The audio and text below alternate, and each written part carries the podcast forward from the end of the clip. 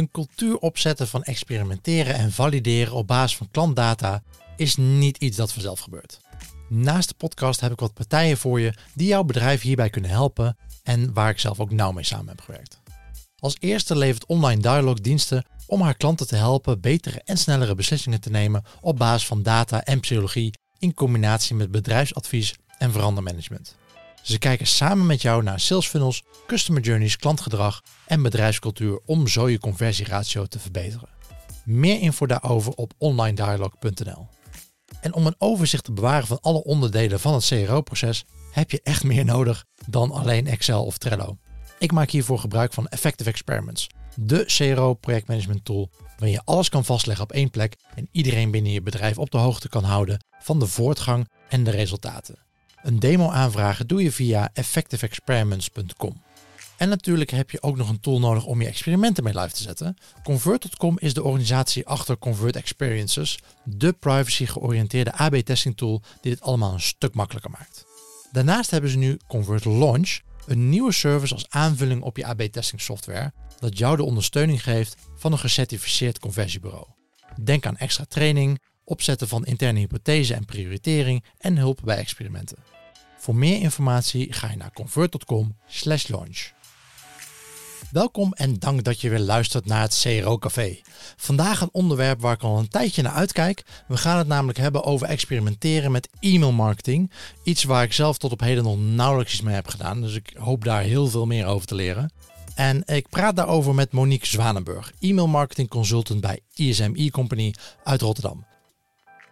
In haar dagelijks werk helpt ze klanten zoals Tommy Teleshopping, XD Design en de Sanitair Winkel met doorlopend meer resultaten te behalen uit e-mail marketing en voornamelijk dus door het uitvoeren van AB-testen.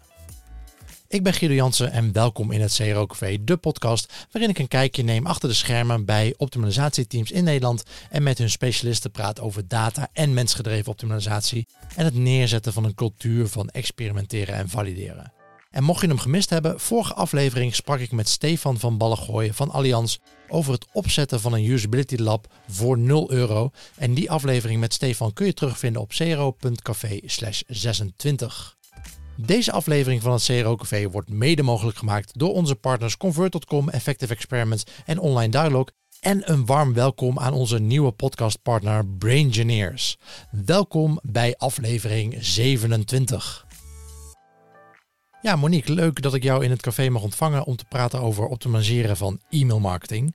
Uh, voordat we daarin duiken, kun je even kort vertellen hoe jij überhaupt digital marketing bent ingerold? Ik heb marketingmanagement gestudeerd en al snel vond ik eigenlijk uit dat ik vooral online marketing heel erg leuk vind. Dus ja, daar kan je eigenlijk gewoon alle kanten in op. Je kan heel veel creativiteit kwijt. Je kan eigenlijk helemaal losgaan en al jouw werk zie je dan terug in de cijfers. En dat is vooral wat ik zo motiverend vind. Dus uh, bij ISM e-company had ik een hele mooie kans dat ik daar kon beginnen. Dat ik daar kon beginnen als trainee. Dus daar had ik meegelopen met alle online marketingdisciplines. Dus denk bijvoorbeeld aan CA, CO, uh, CRO en dan e-mail. Nou, daar heb ik wat CRO-kennis op gedaan, die ik eigenlijk nu nog steeds gebruik. Ik vond het super interessant hoe je met bepaalde principes mensen kon overtuigen. Nou, uiteindelijk heb ik wel gekozen voor e-mailmarketing. Want ja, ik vind het heel mooi om na te denken hoe je iemand kan helpen met zijn aankoop. Dus stappen in de schoenen van een consument en kijken, ja, waar heeft hij nou echt behoefte aan? Nou, dan kan je een hele mooie uh, content mail maken. Tegelijkertijd kan ik daar ook weer die CRO-kennis in kwijt. Uh, dus ja, dat vond ik eigenlijk wel gewoon een hele mooie combinatie. En zeker als je wil optimaliseren, nou, dan is AB-test en e-marketing echt perfect. Want ja, je kan heel snel testen en uh, ja, je kan ook een hele mooie vervolgtesten doen. En um, moest je nu ook verplicht het uh, boekje um, uh, meer omzet met je webshop van Jurjen lezen als je bij ISM begint? Of, uh? Ja, klopt. Goed geraden. Ja, ik heb staat... hem nog hier in de kast staan. Ja, heel goed. En er, staat, en er staat bijzonder weinig over e-mailmarketing in, weet ik nog. Ja, klopt. Maar dan ga ik veranderingen brengen. ja, ga je een addendum uitbrengen of ga je je eigen boek schrijven? nou goed. Vroeger wilde ik schrijfster worden, dus wie weet. Komt oh, kijk aan. nou, komt dat even mooi samen. Ja. Hey, en, en wat ik super leuk vind, uh, uh, je, hebt, je hebt wat cases meegenomen. Uh, dus we kunnen eigenlijk direct de materie induiken en, en kijken wat, voor, wat jullie voor klanten hebben gedaan. Wat voor experimenten jullie hebben opgezet. Ja, um, voordat we naar die cases gaan, ben ik wel even benieuwd. Um, ja, wat ik al zei, ik, ben, ik ben wel redelijk ervaren met AB-testen, maar niet met e-mail testen. Maar volgens mij een, een, een tricky ding bij e-mail, AB-testen bij e-mails, is het moet altijd wel ingebakken zijn in de marketing tool zelf, toch? als je een website hebt, dan maakt niet zoveel uit wat voor platform je hebt. Je kan er altijd een Optimizely of een VWO of via Google Optimize kun je er uh, zeg maar bij, uh, bijhaken en dan kun je daarmee gaan experimenteren. Bij e-mail marketing heb je die luxe niet. Dus het moet wel in je tool gebakken zitten, toch? Ja, nou ja, dat is iets wat vaak uh, mensen denken. Nou, dat maakt het wel makkelijker, maar het is niet per se nodig. Okay. Als je zeg maar, ja, werkt met een software die iets verder gaat dan ja, een heel standaard pakket, zeg maar, mm -hmm. dan heb je vaak wel de ruimte om jouw database in groepen te verdelen. Dus stel die uh, functie is niet vastgebakken in jouw software, dan kun je zelf wel zeggen: Oké, mijn database die splits ik in 50-50%. Ja. En de eerste groep die krijgt A en de andere groep krijgt B. Dus ja, vaak is het zelf wel iets meer handwerk, maar dan kan je het wel doen. Precies. Dus, dus niet zozeer een AB-testfunctionaliteit, maar dan moet je het gewoon zelf hacken. Beetje. Ja, heel goed. Klopt. Ja. Uh, ja, vertel wat voor, wat voor test heb je meegenomen en uh, waar gaan we naar kijken? Ja, nou, ik heb dus een aantal testen meegenomen en dat zijn eigenlijk wel hele mooie testen. En eigenlijk wat een beetje gemeenschappelijke deler is, is dat het verschil soms maar heel klein is, terwijl het resultaat wel heel erg groot is. En dat Ja. is iets uh, ja, wat ik wel heel mooi vind om te doen altijd. Nou, bijvoorbeeld uh, een van mijn klanten, die zit uh, in de kinderkleding. En ja, ik had um, een contactpersoon die altijd de nieuwsbrieven maakte. En die moest eigenlijk altijd weer de nieuwsbrieven maken. Um, ja, verder had hij niet heel veel collega's die, bij, daarbij meehielpen. Alleen heel veel collega's hadden wel een mening over. Dus ja, hij moest eigenlijk altijd maar zorgen dat als zijn collega's het eens waren met die mail. En die hadden zij een bepaald meningsverschil waar ze niet zo heel makkelijk uitkwamen. Het ging over het onderwerp. Ja, moest hij nou in het Engels of in het Nederlands? Nou goed, zijn collega's die wilden altijd een Engels onderwerpregel. Want ja, dat is gewoon leuk en hip, dat klinkt lekker. Maar goed, wat wij zien bijvoorbeeld bij CRO in webshops, maar wat ik ook zie in e-mails, is dat Nederlands beter werkt. Ja, en voor de duidelijkheid, de doelgroep was dus Nederland. Ja, klopt. Ja. Ja, hartstikke Nederlands. En ja, dan verbaast het me toch dat die collega's van mijn contactpersoon altijd mijn Engels onderwerp, onderwerpregel willen. Maar goed, um, dus ja, wat was toen het antwoord? Wij gingen AB testen. Um, nou, en de test die ging dus over uh, wat twee varianten, sorry, twee versies, we hadden A en B. Nou, A was in het Engels, zoals die mail eigenlijk altijd al is. En B had een Nederlands onderwerp. Nou, toen gingen wij dus die uh, test laten lopen. Um, nou, niet zozeer om per se zoveel meer opens te krijgen, maar eigenlijk vooral om intern meer draagvlak te krijgen. En ook om een keer een einde te maken aan die langlopende discussie. Nou, toen gingen wij de resultaten bekijken. En dan gingen we ook analyseren om te kijken of het verschil ook echt significant was. Dus dat wij zeker wisten dat het uh, betere resultaat kwam door onze ene aanpassing en niet door toeval. En wat bleek toen? Toen hadden wij dus 12% meer opens voor de Nederlandse onderwerpregel. Dus ja, Lekker. Alleen daarvoor is een AB-test al hartstikke Ja. mooi. Dus ja, mijn contactpersoon die kon het laten zien aan zijn collega's. En eigenlijk hebben ze daar ook nooit meer discussie gehad. Ja, en nu gingen jullie natuurlijk ook testen in het Frans, in het Vlaams, in het Fries. nou, houden we het eventjes bij Nederlands. We hebben Ja. heel veel ideeën nog. ja, dat, dat, nou, dat is behoorlijk wat natuurlijk, 12% opens. Ja, zeker. Ja, dus ja, het is eigenlijk best wel een klein verschil. Ja, ga je een- onderwerp nou in het Engels zetten of in het Nederlands? Nou ja, ik zou zeggen, test het. Maar ja, Ja. grote kans dat het Nederlands wint. Ja, Met een heel groot effect. Ja, ja, dat vind ik wel het leuke van ons vak. Dat soms maken wij enorme veranderingen. En, en klanten zien het niet eens. Geen verschil. En dan soms zijn het hele kleine dingetjes en dan is het ineens een enorm verschil. Dat, dat maakt Ja. het wel gaaf natuurlijk. Ja, precies. Vertel, vertel meer. Nou, we hebben een eh, andere test gedaan ook bij een eh, andere klant bij ons. En die vind ik zelf wel heel erg leuk. Eh, nou, we hadden een e-mail template en die hadden eigenlijk best al heel lang staan. Zeg maar een paar jaar. Mijn voorganger had die toen nog gemaakt. Ehm, nou, en die had eigenlijk ja, een beetje hetzelfde als wat we direct zagen. We hadden een Engelse menubalk in het e-mail template staan. Dan in het bijzonder in het nieuwsbrief. Nou goed, ze hadden bijvoorbeeld een item als lookbook, ehm, shops, ehm, ja, al dat soort dingen. Ja, dat sloot gewoon niet aan bij de doelgroep, die overigens ook Nederlands was. Ja. Dus ehm, ja, met onze kennis weten wij dat Nederlands waarschijnlijk beter werkt. Dus dit gingen wij ook testen bij deze ene klant. Dus nou, dat gingen wij dus doen. Ehm, we gingen dus kijken wat de juiste testmethode was. Daarvoor bestaan ook meerdere methodes in eh, e-mail marketing. Ehm, dus toen hadden wij die stappen doorlopen. En toen waren we aangekomen op het punt om de variant te gaan maken. Dus de B-versie. Nou, toen gingen wij kijken in data in Google Analytics. Waarbij we echt specifiek gingen inzoomen uit het verkeer in een nieuwsbrief. Die bepaald gedrag vertoonde in de webshop. Dus wij gingen kijken naar mensen die uit de e-mail landen in de webshop en wat zij daar doen. En toen gingen wij kijken waar in de webshop zij klikken in de menubalk. Dus nou, dat was ook regelrecht de informatie waarin die mensen geïnteresseerd zijn, in welke categorieën ze willen landen. Dus diezelfde categorieën die gingen wij ook gebruiken in de menubalk in de nieuwsbrief. Dus ja, we hadden een A- en B-versie ook weer. A dat uh, bevatte de oude menubalk, zeg maar, met die Engelse termen ook weer. A B bevatte de menubalk met productcategorieën. Want het bleek dat die mensen daarin geïnteresseerd waren. Dus denk bijvoorbeeld aan broeken, jassen, overhemden enzovoort. Nou, toen gingen wij de, die nieuwsbrief ook testen. En toen bleken wij ook veel meer kliks te hebben. Namelijk 101 procent. Nou, 101 procent wow. heb ik bijna echt nog nooit gehaald met een test. Dus uh, hier ben ik wel trots op. Ja, dat kan ik me voorstellen, ja. Ja. ja, wat ook ja. wel leuk is, is um, ja, toen hebben wij gekeken dus naar ja, welke productcategorieën zijn die mensen nu geïnteresseerd.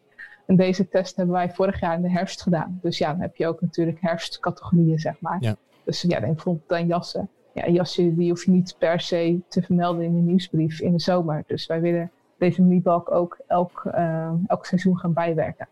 Ja. Ja, en dat zet je ook wel weer aan denken. Hè? Van, op websites komen natuurlijk ook heel veel dat soort uh, Engelse termen tegen, ook in Nederlandse webshops. Uh, ja. Lookbook heb ik persoonlijk altijd een beetje een vreemde gevonden, inderdaad.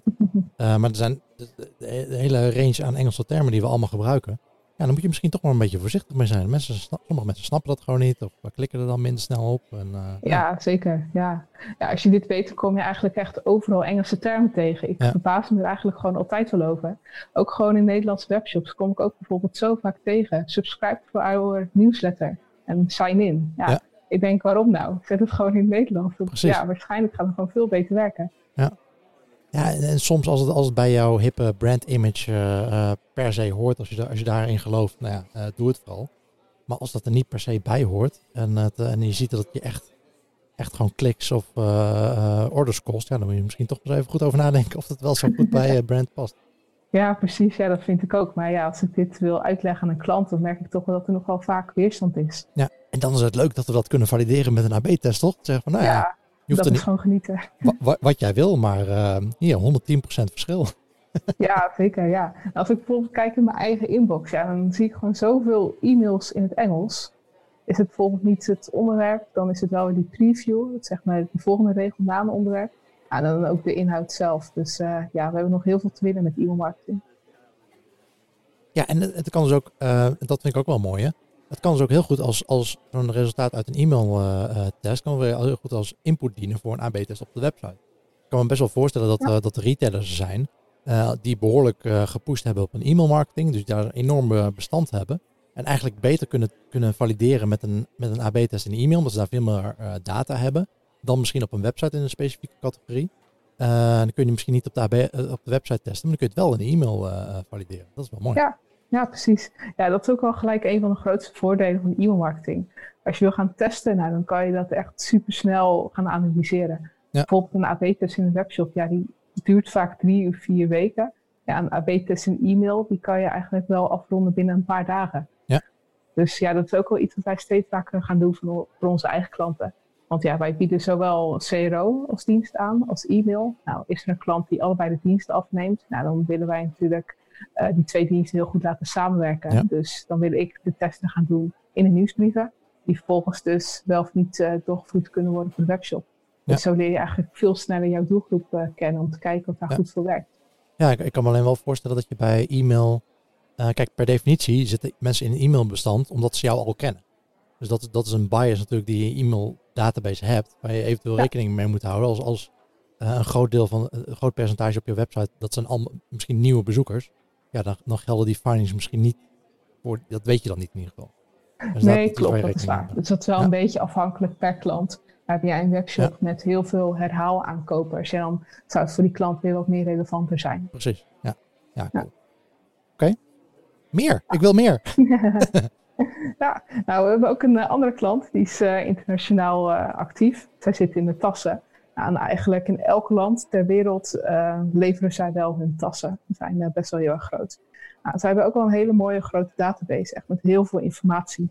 Maar bij die klanten, wat ik trouwens wel vaker merk, is dat klanten gewoon heel veel informatie hebben, maar ze hebben eigenlijk helemaal geen doel ermee. Ze verzamelen alleen maar en daar doen ze niks mee. En dat is gewoon hartstikke zonde.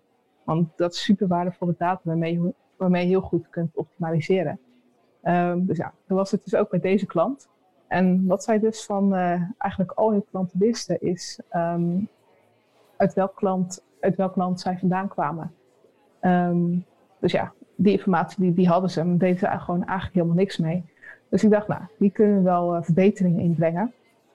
Dus uh, nou, zoals altijd had zij natuurlijk gewoon hun eigen onderwerpregel bedacht. Um, en die zag er zo uit. Die was dan wel in het Engels, omdat zij een Engelse nieuwsbrief hebben ja, wij zoeken mensen om mee te werken aan ons onderzoek. Okay, zo zag dat er dan uit. Nou, dat was dan zeg maar de A-versie. Nou, ik dacht, de B-versie, die kunnen we dus zo opmaken. Wij zoeken mensen voor ons onderzoek uit Frankrijk of uit China. Of, nou ja, dat was eigenlijk een soort dynamisch stukje ja. die automatisch ingeladen werd op basis van de informatie die we hadden. Uh, dus ja, dat kon eigenlijk wel gewoon ja, 40 verschillende landen zijn, bijvoorbeeld. Uh, dus nou, die test gingen wij doen. En wat bleek nou? De B-variant bleek ook veel beter te werken. Ja, eigenlijk is het principe heel simpel. Wij gaan personaliseren op basis van het land waar iemand uit vandaan komt. Want die informatie hadden we toch al. Dus ja, dit is dus een voorbeeld van eigenlijk maar een heel klein aanpassingje die wel een hartstikke groot resultaat heeft. Want door dit te doen hadden wij voor die B-variant ook 8% meer opens. Cool. Dus ja, ik vind het hartstikke mooi dat je eigenlijk met zo'n kleine aanpassing zoveel effect kan bereiken. Um, ja, wat ik zeker vaak merk is dat uh, bedrijven gewoon eigenlijk ja, altijd met een vast ritme nieuwsbrieven sturen. Bijvoorbeeld elke week. Maar dat ze eigenlijk amper AB testen. Ja, ze weten misschien wel dat het kan, maar ja, ze doen het echt nog heel, veel te weinig. Dus ja, als je al met deze ene AB-test zoveel kan bereiken, ja, laat staan wat je kan bereiken als je bij elke nieuwsbrief gaat testen. Het zou een standaard procedure moeten zijn dat je dat, uh, dat, je dat doet. Ja, zeker wel. Ja. Nou, het is natuurlijk ook wel weer afhankelijk van hoeveel capaciteit je hebt. Kijk, ik kan me goed voorstellen als je één online marketeer hebt die ook nog SEA moet doen en webshop optimalisatie, ja, dat je dan wat minder tijd hebt. Maar ja. ja. ik zou het zeker aanraden als je wel wat meer ruimte hebt. Hoe, hoe pakken jullie dat uh, meestal aan? Als jullie een AB-test doen, dan, kan ik me voorstellen als, als, een, als het een hele grote database is, dat je zegt van oké, nou we gaan eerst, we gaan op 10% uh, van die database gaan we de AB-test doen, of CDE, whatever test. Uh, op een deel van de database en dan de winnaar sturen we naar de rest. Uh, is dat iets wat jullie doen? Of, of, pak je meestal gewoon de hele database? Hangt er ook een beetje van het doel van de test af misschien. Maar... Ja, nou, dat is wel een goede vraag. En dat zijn eigenlijk allemaal verschillende testmethodes. Dus eigenlijk kijken wij per test wat een goede testmethode is voor die uh, test. Um, dus ja, eigenlijk hebben wij een testproces voor AB-test in e-mail die bestaat uit zes stappen. Um, ja, de eerste stap die bestaat uit inzichten opdoen. En dan ga je bijvoorbeeld kijken naar je Google Analytics, naar je data uit um, jouw softwarepakket, ook bijvoorbeeld naar benchmarks om te kijken, ja, waar liggen nu echt de kansen? Nou, dan ga je dus een uh, hele verzameling maken van alle ideeën en die ga je dan vervolgens ook prioriteren. En daar hebben wij dan een bepaald uh, prioriteringsmodel voor. Nou, en als je dat hebt gedaan, dan weet je wat je gaat testen, maar je weet nog niet hoe je het gaat doen. En dit is dan gelijk ook de derde stap van dat testplan. Um, dan ga je nu dus kijken welke testmethode ga je gebruiken. Uh, dus dat is afhankelijk van meerdere dingen. Bijvoorbeeld hoeveel varianten wil je maken, maar ook wat is jouw test KPI. Want bijvoorbeeld je hebt meer opens dan kliks. Dus ja, je hebt zeg maar wat meer ruimte als je opens wil gaan testen dan kliks. Omdat je ja, daar gewoon simpelweg wat meer data van hebt. Dus ja, hier kan je eigenlijk alle kanten in op. Dus kijk bijvoorbeeld, uh, je kan een A en B besturen naar allebei 50%. Of je kan bijvoorbeeld een ABC versturen, die dan allemaal naar 33% gaan. Uh, dus ja, zo kan je eigenlijk hier een beetje spelen met die percentages. En dat is dan weer afhankelijk van hoeveel ontvangers je hebt en welke testkpi je wilt gaan optimaliseren. Dit heb jij ook super netjes uitgewerkt in een, in een blogpost. Zullen we in de, in de show notes ook even naar linken. Uh, AB-testen, dit zijn de zes stappen. Ja. Uh, die overigens bijzonder veel lijken op de gewone AB-testen procedure die je op, op een website doet. Dat, dat, dat ziet er heel bekend uit, dus dat is heel fijn. Ja. Um, dus daar zullen we even naar linken. En um, je, je, noemde net, um, ja, het hangt af van de KPI's waar je op wil sturen. Daar ben ik wel eigenlijk, heel benieuwd naar, want ik heb ook voor, voor partijen gewerkt uh, waar de website bijvoorbeeld alleen maar lead generation was. Het mhm. grote, dat is hartstikke leuk, maar het grote nadeel is van je, je, je optimaliseert maar een deel van de funnel. en dat einde van jouw funnel is niet een aankoop vaak. Je stuurt mensen naar een website, of bij, in het geval van lead generation, wat ik, wat ik wel heb gedaan. Mensen komen op je website en vullen uiteindelijk een, formulier in of solliciteren ergens op. maar ja, dan zijn ze nog niet geplaatst. Ze hebben nog niet iets gekocht, zeg maar. Mhm. Dus hoe ga je daarmee om? Wat, wat voor KPI's gebruiken jullie om, om er toch voor te zorgen? Nou, uiteindelijk wil je wel dat mensen iets kopen natuurlijk. Ja, ja. Ja, onze klanten zijn vooral retailers. Zij zitten vaak in de fashion en ja, de producten, dus zoals de tassen. Uh, dus ja, wij kijken wel vooral echt naar die soort omzet-KPI's. Nou, als je het hebt over e-mailmarketing, heb je daar ook weer dan uh, specifieke KPI's voor. Die wel anders zijn dan uh, ja, gewoon bij CRO, zeg maar. Dus um, ja, wij kijken dus vooral naar de opens en de kliks. Wil je gaan AB testen, dan kun je eigenlijk vooral de opens of de kliks gaan optimaliseren. Nou, en eigenlijk is het voor elke klant ook weer anders welke je van de twee gaat optimaliseren. Nou, en hier ga je dus ook een stukje prioritering toepassen. Dus je gaat kijken welke van de twee is eigenlijk het belangrijkste om nu te gaan optimaliseren. Dus nou, dan kun je gaan kijken naar de resultaten van vorig jaar, maar ook naar de benchmark. Wij kijken vaak naar de benchmark van de TDMA. Die hebben hun benchmark voor 2019 ook uitgebracht.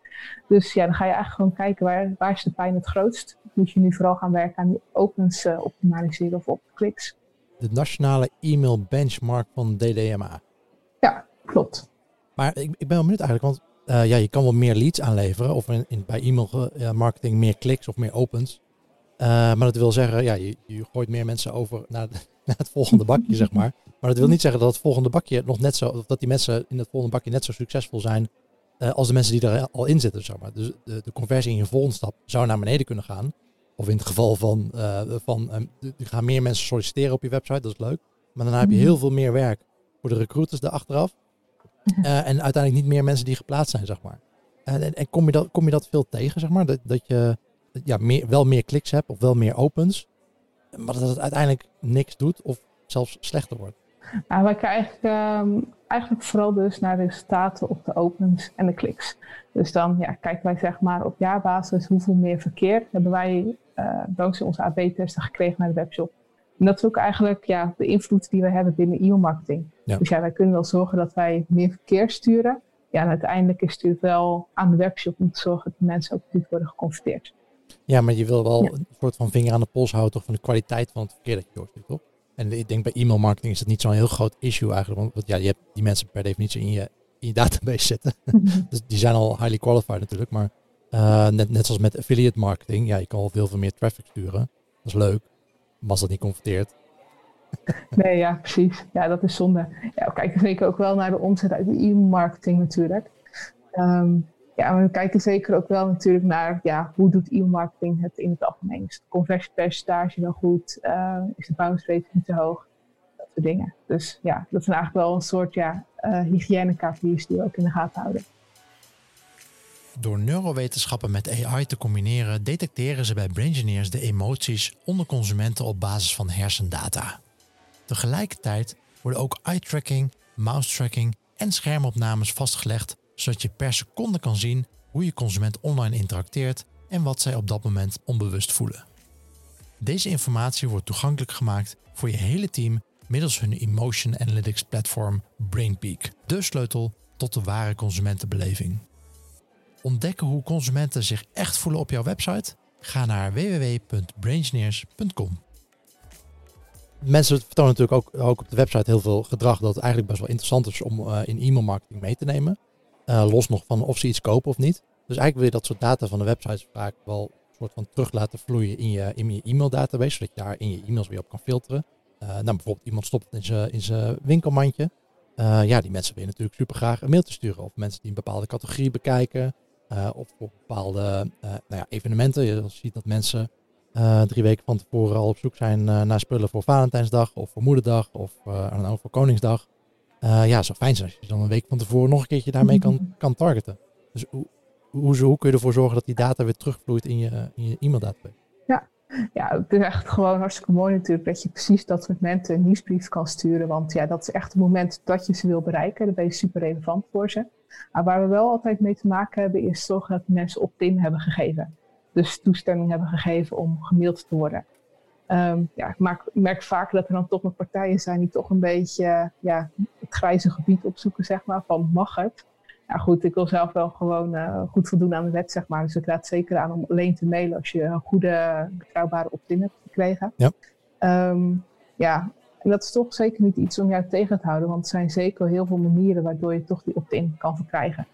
Um, dus ja, zeker om uh, en na een aankoop, er zijn hele goede mogelijkheden voor. Um, maar goed, dat is dus het stukje wat betreft wet.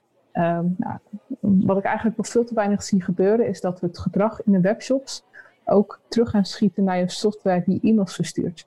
Ja, eigenlijk zijn het nu nog vaak heel vaak silo's. Dus je hebt e-mailsoftware, nou, die mensen die sturen door naar de webshop. En dat is de volgende fase, nou, daar moet het dan gebeuren. Daar moeten mensen een aankoop doen. Ja, in die webshop vertonen mensen natuurlijk super interessant gedrag. Dus ze klikken categorieën aan, ze gebruiken bepaalde filters. Dat soort dingen die willen we allemaal weten. Maar ja, vaak blijft dat nog heel erg in de webshop. En dat is hartstikke zonde, want ja, wij willen dat heel graag weten om mooie nieuwsbrieven te maken. Nou, wat wel echt een trend is, dat zien wij ook steeds vaker gebeuren, is dat um, ja, klanten gaan samenwerken met externe partijen. Dus zeg maar DMP's. En daar heb je heel veel verschillende verschillen in. Maar het idee is dus wel dat je dat gedrag uit de webshop door gaat schieten naar de software, zodat wij daar ook hele mooie campagnes mee kunnen maken. En dat is een fijne ontwikkeling. Ja, zeker. Ik word er heel blij van. Ook daar weer ben je wel redelijk afhankelijk, denk ik, van de e-mail tool die je gebruikt, toch? Ja, nou, is het wel een iets geavanceerdere tool, dan kun je dat waarschijnlijk ook wel goed gebruiken. Ja. Oké. En um, zoveel vragen die ik heb. um, doen jullie ook AB-testen met transactional e-mails? Dus dat, dat zijn uh, de e-mails die worden verzonden naar aanleiding van een bepaalde actie op de website. Dus iemand koopt iets, dan krijg je een uh, e-mailbevestiging. of het wordt verzonden, krijg je een e-mailbevestiging. Of iemand heeft een, een, bij de helpdesk wat ingediend. Dat, dat soort triggers allemaal die online plaatsvinden. Ja. Dat noemen we transactional e-mails. Ja. Um, doen jullie daar wat mee? Wordt daarmee AB-test? Is dat een ding? Nou, dat is wel een mooi punt. We zijn eigenlijk vooral bezig uh, met AB-testen in nieuwsbrieven. Dus dat zijn nog niet die transactionele e-mails. Maar die kant willen wel steeds meer opgaan. Ja. Dus ja, daar valt ook gewoon hartstikke veel te winnen. Dus ja, nieuwsbrief die zien we nu eigenlijk vooral echt als middel om te zorgen dat iemand één keer die aankoop gaat doen. Ja. En nu gaan we dan door naar de volgende stap. Na zo'n aankoop willen we ook gaan testen. Ja, even kijken of iemand misschien wel een, uh, ja, een upsell wil doen. Misschien een cross-sell. Ja, precies. Ja, want bij, bij één aankoop zijn ze nog geen klant, mensen. pas, pas na aankoop 3, 4, 5 of zo zijn ze pas echt klant. Toch? Zeker. Dat moet je doel ja. zijn. Ja, ja vind ik ook. Hey, uh, laten we weer terug gaan naar die, naar die testjes. Je hebt er nog twee volgens mij? Uh, even kijken. Ja, klopt. Ja. ja, nou ik heb er zeker natuurlijk wel meer, wel meer gedaan, maar dit zijn in ieder geval de mooiste. Ja, maar ja, die, we, we, we hebben maar een uurtje. ja. Um, nou goed, we hadden net even over die DDMA benchmark. Ja. En daarin vermelden ze ook altijd welke tijdstippen zorgen voor de hoogste kans op een open of op een klik. Ja. Nou, dat vind ik ook altijd hele mooie input om daarmee te gaan testen. Dus zo hebben wij dat ook gedaan voor een van onze klanten. Zij zitten in de B2B, dus uh, ja, dat is wel weer net iets anders dan B2C. Ja. Uh, ja, het levert wel hele interessante inzichten op. Dus dit was een klant die eigenlijk echt al jarenlang elke donderdag om 11 uur de nieuwsbrief verstuurt. Nou goed, ik dacht, daar kunnen we misschien wel verandering in brengen. Um, dus in plaats van om 11 uur, wilden wij om 4 uur die nieuwsbrief gaan versturen. Want Ja. in die benchmark zag ik dat we dan een grotere kans hadden op een open. En op, of sorry, op een, op een klik was dat. Ja. Um, dus dat gingen wij toen doen. Dus niet alleen voor Nederland, maar ook voor Frankrijk. Maar Frankrijk was eigenlijk een soort uitstapje. Want deze benchmark die gaat eigenlijk alleen over Nederland. Maar Frankrijk is voor deze klant ook heel erg groot. Dus ik dacht, nou, we nemen die gewoon mee. Ik ben benieuwd hoe het gaat doen. Um, nou, die hadden we dus gedaan. En het, het, was, het leverde op zich al hele interessante inzichten op. Want wat bleek nou? Um, nou, voor Nederland was het geen bindende AB-test. Dus om 11 uur werkte het toch beter dan om 4 uur. Um, ja, dat kan er ook mee te maken hebben omdat het B2B is. Ik kan me goed voorstellen dat zakelijke klanten ja, eerder om 11 uur naar een mail kijken dan om 4 uur. Uh, dus nou oké, dan waren we in ieder geval uh, voor, zeker dat 11 uur goed werkte, beter dan 4 uur. Maar voor Frankrijk zagen we wel iets moois. We zagen daar dus dat 4 uur wel beter werkte dan 11 uur. Dus ja, eigenlijk was het een stukje bij toeval. Want we dachten van nou, laten we even een uitstapje maken naar een ander land. Ja. Uh, ja, we kregen dus zelf 6% meer opens voor Frankrijk dankzij deze 1AB-test. En ja, achteraf kun je dat ook wel goed redeneren. Want ja, ik weet dat Fransen vaak twee uur uh, pauze houden in de middag.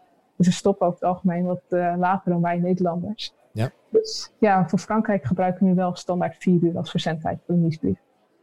Ja, dat soort cross-cultural onderzoeken vind ik altijd super interessant. je denkt van, wat gebeurt daar in vredesnaam? En dan ga je inderdaad, oh ja, maar we hebben altijd twee uur middagpauze. Nee, oh ja. ja, precies ja. Ja, eigenlijk hebben we nog te vaak een Nederlandse bril op. Maar ja, er valt nog hartstikke veel te halen met dit soort dingen. Ja. En, en is dan de vervolgstap dat je vervolgens uh, alle tijdstippen voor, voor tussen 9 en 5 gaat testen voor die B2B klant? Of uh, dan heb je wel ja, dan heb je een AB-test met uh, eh, 40 varianten. Moet je database ook maar net aan kunnen, maar ja. Ja, daar ben je wel een tijdje zoek mee. Ja. wat we nu in ieder geval voor die klant aan het doen zijn, is we willen ook verder gaan personaliseren op dit tijdstip. Dus nou, we weten zeg maar dat standaard 11 uur nou, goed werkt. Maar we houden nu ook per ontvanger bij op welk moment zij de nieuwsbrief openen. Ah, ja. Nou, dus één dag hebben wij verdeeld in vijf momenten. Dus bijvoorbeeld de vroege ochtend, late ochtend, nou, enzovoort. Um, ja, opent hem iemand in de late ochtend, dan krijgt hij zeg maar voor dat moment een plus één score. Ja. Nou, en dat houden we dus zo voor iedereen bij. En als iemand een score heeft hoger dan drie, dan krijgt hij vanaf dat moment de nieuwsbrief ook op zijn moment, wanneer hij normaal de nieuwsbrief opent. Dus ja, mochten we van iemand die data niet hebben of hij heeft nog niet genoeg geopend, dan sturen we in ieder geval standaard om 11 uur de nieuwsbrief naar diegene uit. Nice. Dus zo kan je heel veel personaliseren. Ook al heb je niet per se uh, nou goed van iemand echt data. Nee, ja, dan, dan personaliseer je dus niet zozeer op, op, informatie van die persoon zelf, maar van hoe ze reageren uh, op die e-mails. Ja. ja, klopt in het algemeen. Wat zijn eigenlijk de meest de meest gebruikte segmentaties uh, in e-mail. Als je, als je een e-mail uh, in verschillende badges gaat verzenden naar verschillende groepen. Wat zijn dan veel gebruikte segmentaties? Kopers, niet-kopers, hoe lang geleden ze wat gekocht hebben. En dat wat je zegt, nou ja, de time of day waar ze op reageren. Nou, dat zijn toch al voorkeuren die mensen zelf hebben opgegeven. En dat is op zich natuurlijk een hele mooie segmentatie. Want ja, iemand die heeft het zelf opgegeven, dan is het natuurlijk hartstikke waar dat diegene ook daarin is geïnteresseerd. Dus wij bijvoorbeeld een klant die zit in de dierenverblijven. Uh, nou, gaan mensen zich inschrijven voor een nieuwsbrief, dan wordt er op datzelfde moment ook gevraagd welk dier heb je. Ah, ja. Hond, kat, vis enzovoort. Um, nou, die klant die stuurt ook bijna alleen maar thema nieuwsbrieven. Dus ja, echt een nieuwsbrief over honden, over katten. Ja. Met hartstikke mooie informatie. Bijvoorbeeld hoe ontvlooi ik mijn hond. Ja. Dus ja, op die manier kunnen wij hele mooie nieuwsbrieven versturen niet interessant voor mij als ik alleen maar een goudvis heb. Dan hoef ik niet te weten hoe ik een hond moet ontplooien. nee, precies. Nee, dan krijg je die nieuwsbrief ook niet. Nou, we, sturen, zo, we sturen sowieso ook een uh, standaard nieuwsbrief uit. Dus ja, ehm, dan ontvang je niet de honden nieuwsbrief, maar wel de algemene nieuwsbrief met ja, de, de acties van die maand. Oké, dus, dus dat, dat, zijn zeg maar de topics waarin mensen geïnteresseerd zijn. Dat, dat is iets wat veel, wat veel gebruikt wordt om te, om te segmenteren. Ja, precies. Okay. Ja, die je dan zelf uitvragen. En, en um, wordt er ook wel gesegmenteerd op hoe vaak mensen uh, iets krijgen? Is dat, is dat een ding dat mensen aangeven? Nou, ik wil uh, dagelijks een nieuwsbrief of één keer per week of één keer per maand. Ja, we kijken een beetje of daar behoefte naar is. Dus wat wij in ieder geval wel willen hebben op de uitschrijfpagina is ja. een veld waarin iemand de reden kan opgeven. Nou, een van die redenen die, uh, die zijn sowieso vooraf ingevuld. Ja. Als we zien dat heel veel mensen aangeven van nou, ik ontvang een nieuwsbrief te vaak, dan willen wij ook gaan uitvragen van nou, uh, hoe vaak wilt u hem dan ontvangen? Dus daar willen we dan wel zo rekening mee houden. Ja, oké. Laten we doorgaan naar de laatste. ja, nou, dat is wel ook gelijk een hele mooie. En die heeft ook, ook wel veel overlap met uh, CRO-principes. Je kan mensen op heel veel verschillende manieren overtuigen. En twee principes waarmee dat dan kan, dat zijn schaarste en social proof bij een van onze klanten willen we dus gaan kijken, ja, werkt dit überhaupt beter? En zo ja, welke dan? Nou, dat was wel mooi. Zij hadden eigenlijk een, um, een uh, segment met iedereen uit uh, ja, andere landen dan Nederland. En een ander segment, dat was dus Nederland. En voor beide segmenten gingen wij deze AB-test doen. Dus hierbij hadden wij drie versies. Dus A was gewoon een mail met een onderwerp die nou ja, gewoon standaard was, zonder een bepaald testprincipe. En A, die bevatte wel het testprincipe, dat was dan schaarste. Met als voorbeeld van, nou, wees er snel bij, want anders zijn ze op. En het derde was dan ja, een versie die social proof uh, bevatte. Dus nou, zoveel mensen waren je al voor, dus nou, wees er ook bij. Ja. Nou, toen gingen wij dus testen. Toen zagen we wel hele mooie hele mooie resultaten. Uh, we zagen dus dat eigenlijk in beide segmenten die schaarste en social proof beter werkte. Um, ja, A die bleef eigenlijk gewoon echt veruit achter bij die B en C versies. In allebei de segmenten zagen wij dat schaarste en social proof beter werkte. Maar dit is ook wel gelijk heel interessant, want eigenlijk die schaarste en die social proof die presteerden ongeveer allebei even goed. Namelijk 14% opens erbij. Nou, dat is gewoon hartstikke mooi. 14% opens met zo'n test. Uh, nou goed, dit zorgt nog wel voor de volgende vraag van ja, welke van de twee werkt dan echt beter? Nou, dus dit heeft ook gezorgd voor een uh, herhaaltest. Die moeten we nog gaan uitvoeren. Maar ik ben zelf heel benieuwd naar. Wat werkt nu echt beter voor deze doelgroep? Schaarste of social proof? Ja. Dus dan hebben we eigenlijk ja, uh, nog meer data, zeg maar, om ja, die uh, twee, twee principes te gaan testen. Ja, bij dat soort dingen zou je ook nog wel uh, tegen kunnen komen dat, dat nou, als je overal kijkt, dat schaarste en social proof allebei net zo goed werken. Maar als je dan in de data gaat duiken, dat misschien voor een bepaald segment gebruikers juist schaarste goed werkt en dan voor een ander segment social proof heel goed werkt. Ja, precies. Dat, ja. wil je online of bij websites zie je dat ook wel eens. Ja. ja. Ja, dus we hebben eigenlijk nu een soort één startende AB-test gedaan. Ja, die zorgt voor vervolgtesten. Ja. Waarbij we steeds meer gaan inzoomen en nog meer inzichten kunnen opdoen. Ja, dat, dat is altijd wel een beetje het nadeel inderdaad van AB-testen doen. Je hebt vaak meer vragen dan antwoorden aan, aan, het einde. Uh, gelukkig tussendoor ook wel uplifts natuurlijk, zodat je lekker je werk kan blijven doen. Uh, maar meestal heb je inderdaad meer, meer testideeën weer achteraf dan dat je, dat je vooraf had. Ja, mooi. We blijven lekker bezig. Ja. Hey, waar, waar zie je het vaak, vaak misgaan bij, bij partijen als, als e-mailmarketing, als ze daarmee bezig zijn? Ja. Uh, of tenminste, nou, de, de grootste fout die mensen kunnen maken is hier niet mee bezig zijn, denk ik. Uh, maar als ze ermee aan de slag gaan, waar, waar gaat het meestal ja. mis, zeg maar? Nou ja, ik ben ja, ten eerste al blij als ze AB testen. Dan zijn, zijn ze in ieder geval bewust van het belang ervan. Ja. Maar goed, als ze dat dan doen, dan kan er eigenlijk ook nog wel heel veel fout gaan. En eigenlijk wat de grootst gemaakte fout is, is dat zij gaan testen zonder plan. Dus ja, iemand roept een keer wat en dat gaan ze dan testen. Nou, dan kijken ze naar resultaten. En wat eigenlijk ook een heel vaak gemaakte fout is, is dat ze gaan kijken naar resultaten en al veel te snel concluderen welke versie de winnaar is. En dat doen ze dan een beetje op basis van onderbuikgevoel. Dus ja, ze testen eigenlijk zomaar wat. Ze denken niet zo heel goed na over ja, welke methode dan goed werkt. Die zorgt voor goede, betrouwbare resultaten. En als dan die test is gedaan, dan kijken ze veel te snel naar resultaten. En kijken ze niet of het ook echt een significant resultaat is. Ja.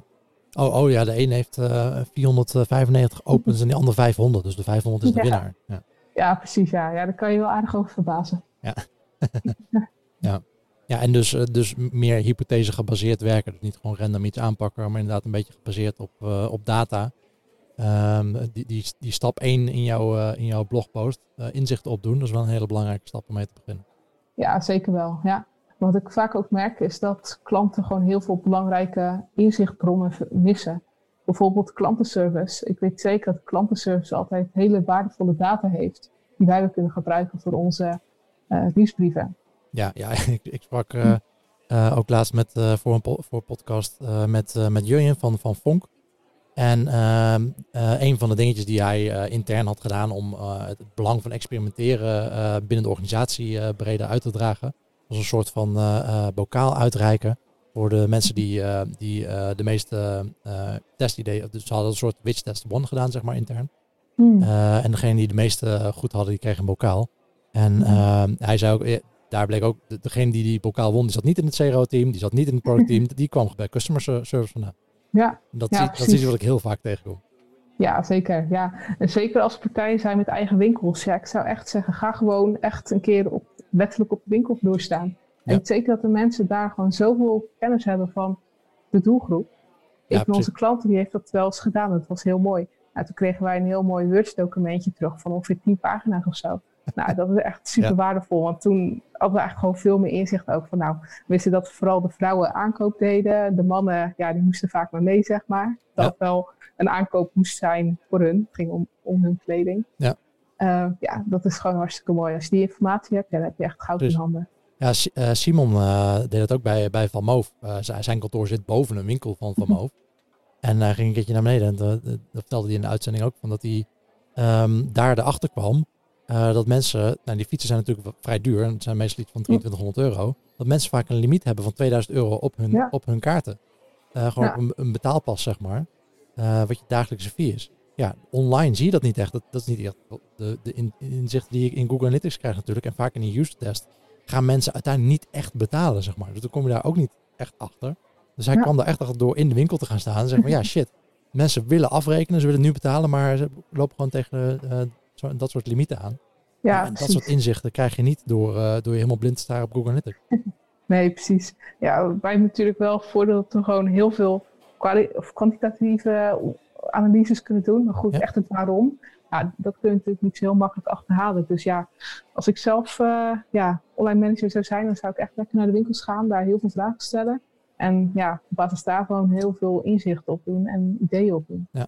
Hey, super bedankt voor het, uh, voor het delen van deze, deze testresultaten. Dat is super insightful en uh, dat is leuke inspiratie ook weer voor, voor mensen die, die on, on-site aan het testen zijn. Maar hopelijk zet het ook heel veel mensen weer aan het denken om, om met, wat, weer wat nieuwe aandacht naar hun e-mailmarketing uh, te gaan kijken.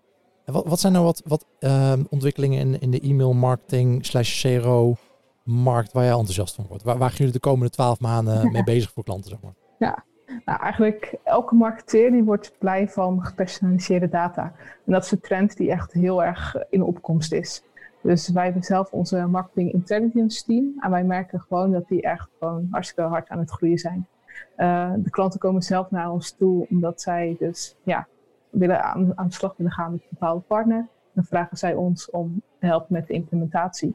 En um, ja, zij willen eigenlijk steeds meer data centraliseren. Dus zoals ik net al even zei, we hebben bepaald bezoekersgedrag in de webshop.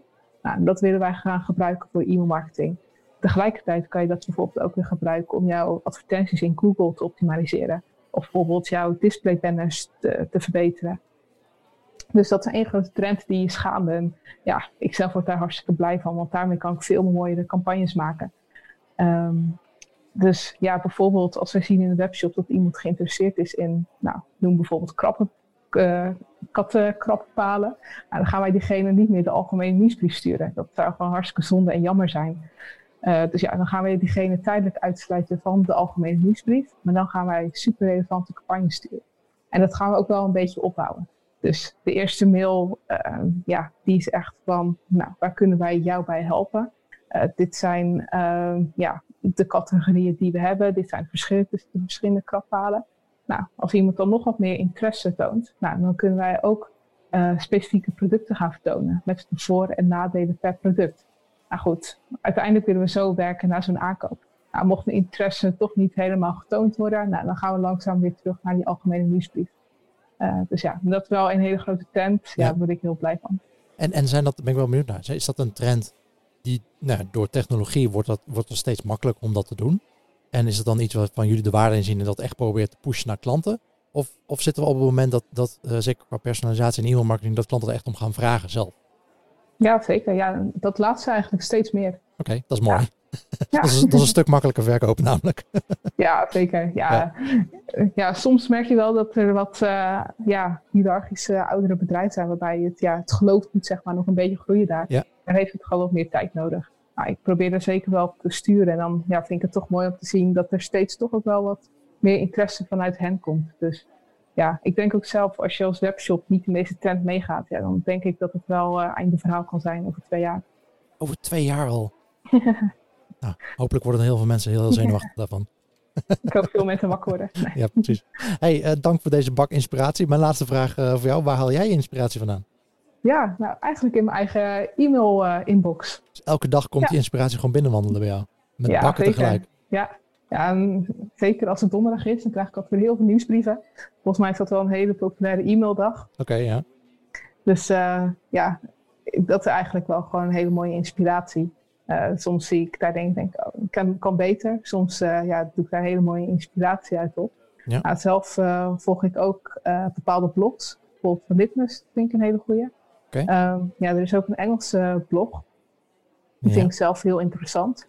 En dat is de blog van um, Really Good Emails. Nou, die vind ik eigenlijk gewoon heel erg fantastisch. Als je alleen kijkt naar de onderwerpregels. Zij durven ook te experimenteren. Ik weet zeker dat zij ook AB testen. Um, ja, het zijn gewoon hartstikke mooie inspiratiemails. Dus ik zou zeggen, schrijf je ook daarvoor in. Nou, verder spar ik ook met mijn eigen online marketing collega's. Want ja, ik heb dan uh, misschien wel een e-mailbril op. Nou, bijvoorbeeld mijn collega's van conversie, die kijken weer net iets anders tegen de dingen aan. Of um, ja, ik heb ook strategie-collega's. Ja, dat is gewoon hartstikke mooi om met hen ook te sparren. Want eigenlijk hebben we allemaal een passie hiervoor. Nou ja, goed, twee weten er altijd meer dan één. Dus dat vind ik hartstikke leuk om zo ideeën op te doen. Maar als uh, in één deel van, van je marketing uh, bakje werkt, dikke kans dat het in andere onderdelen ook uh, gaat werken. En dan is het jammer dat we inderdaad allemaal in silo's werken. Maar dan kun je wel heel veel ja. ideeën opdoen van elkaar natuurlijk. En dan hopelijk inderdaad, wat je zegt, ja, hopelijk nemen klanten meerdere pakketten af. En e-marketing en onsite optimalisatie. zodat je dat aan elkaar kan knopen. Ja, ik raad ook zeker aan om jouw eigen bevindingen in welke online marketing tak je ook werkt gewoon met al jouw marketingcollega's te delen. Misschien ook wel met je salescollega's. Want ja, het ene idee kan weer een ander idee oproepen. En zo krijg je er eigenlijk een soort sneeuwbaleffect. Hey Monique, dankjewel. Onze tijd zit erop. Super, uh, super dat je dit allemaal met, uh, met ons wilde delen. En uh, ja, we gaan ongetwijfeld uh, nog meer blogs en, en praatjes van jou tegenkomen binnenkort. En misschien dus een addendum of een, of een boek. ja, ja, wie weet. Heel goed. Lijkt me leuk. hey, dankjewel.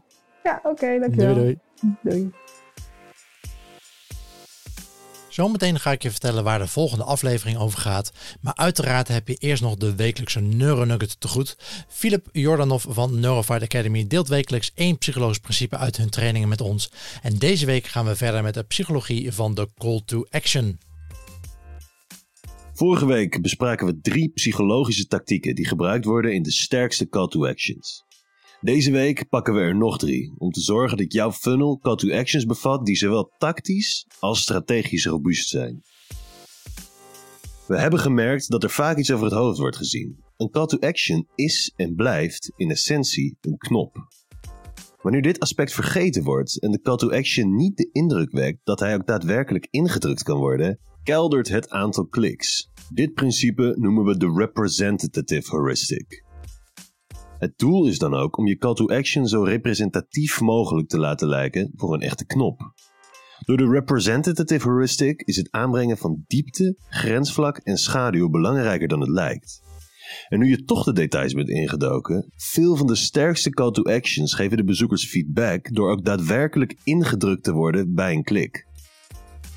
Als CRO-specialist begeef je je constant in de hitte van de aandachtseconomie waarin de aandacht van de bezoeker steeds waardevoller, maar ook steeds schaarser wordt. Een van de research topics van Neurofight is de psychologie achter deze aandacht. Hieruit is een factor naar voren gekomen die de aandacht van bezoekers het best trekt: afleiding. Wat blijkt is dat subtiele veranderingen niet alleen veel aandacht trekken door gericht af te leiden, maar ook bewust positieve associaties vormen in het hoofd van de bezoekers. Dit principe heet Incidental Change Detection en je past het als volgt toe. Met een eenvoudig JavaScript kan je de kleur, vorm of positie van een call to action doen veranderen nadat een bezoeker een bepaalde time on site heeft bereikt. Deze afleiding zorgt ervoor dat de aandacht van de bezoeker gericht wordt op de call to action. De laatste call to action tactiek is gebaseerd op een universeel principe dat eerder is voorgekomen in de Neuronuggets: loss aversion. Ons brein is hardwired om verlies ten alle kosten tegen te gaan. Dit principe kan gebruikt worden om jouw call to actions nog overtuigender te maken. Bezoekers hebben altijd de optie om call to actions te negeren en de funnel te verlaten. Door je call to action zo op te stellen dat de bezoeker actief moet weigeren, wordt loss aversion geactiveerd. Door bijvoorbeeld de optie nee, ik wil geen gratis trial te integreren naast de ja-optie, is de kans groter dat bezoekers akkoord gaan met jouw voorstel. Dit komt doordat de aandacht van de bezoekers wordt gestuurd naar het mislopen van jouw product of service. Dit waren nog drie psychologische tactieken om jouw call to actions te versterken. Wil je toegang tot alle psychologische tools en tactieken in CRO? Claim dan nu jouw One Day Brain and Behavior Crash Course ticket met 10% korting op neurofight.com/cc met de code CROCafé. Tot slot de drie takeaways van vandaag op een rijtje. Call to actions zijn en blijven knoppen. Door ervoor te zorgen dat jouw call to action eruit ziet als een klikbare knop, door schaduw, diepte en klikfeedback toe te voegen, verhoog je de kans op conversie per definitie. Dankzij incidental change detection vormt het brein positieve associaties met subtiele verandering. Door jouw call to actions na verloop van tijd te laten veranderen van kleur of vorm, trekken ze positieve aandacht en vallen ze beter op. Wanneer je jouw call to actions zo opstelt dat bezoekers actief moeten weigeren, activeer je loss aversion. Dit psychologische principe highlight potentieel verlies en stimuleert bezoekers om een call to action te accepteren. Volgende week zijn we er weer bij. Dan gaan we het hebben over de relatie, balans en interactie tussen motivatie en frictie. Tot dan. Ja, dankjewel Philip voor je nudge. En dat was de wekelijkse Nugget en dit was de 27e aflevering van het CRO Café met Monique Zwanenburg van ISM E-Company. Mocht je de podcast nu zo leuk vinden dat je zakelijk of privé partner van de podcast wil worden, dat kan. Voor meer informatie daarover ga je naar cro.café partner. Los van dat we inmiddels al 11.000 podcast downloads hebben, begint onze besloten Facebookgroep inmiddels ook al best gezellig te worden. Bijna dagelijks is er wel een nieuwe CRO-discussie, dus mocht je met je CRO-peers in gesprek willen en er nog niet in zitten, ga dan naar cro.café facebook en meld je aan. Volgende week zit ik in het café met Jurjen Schouten van Fonk en praten we onder andere over hun interne Ik weet het A-beter testbokaal. Hoe dat gaat hoor je in aflevering 28. Tot dan en always be optimizing.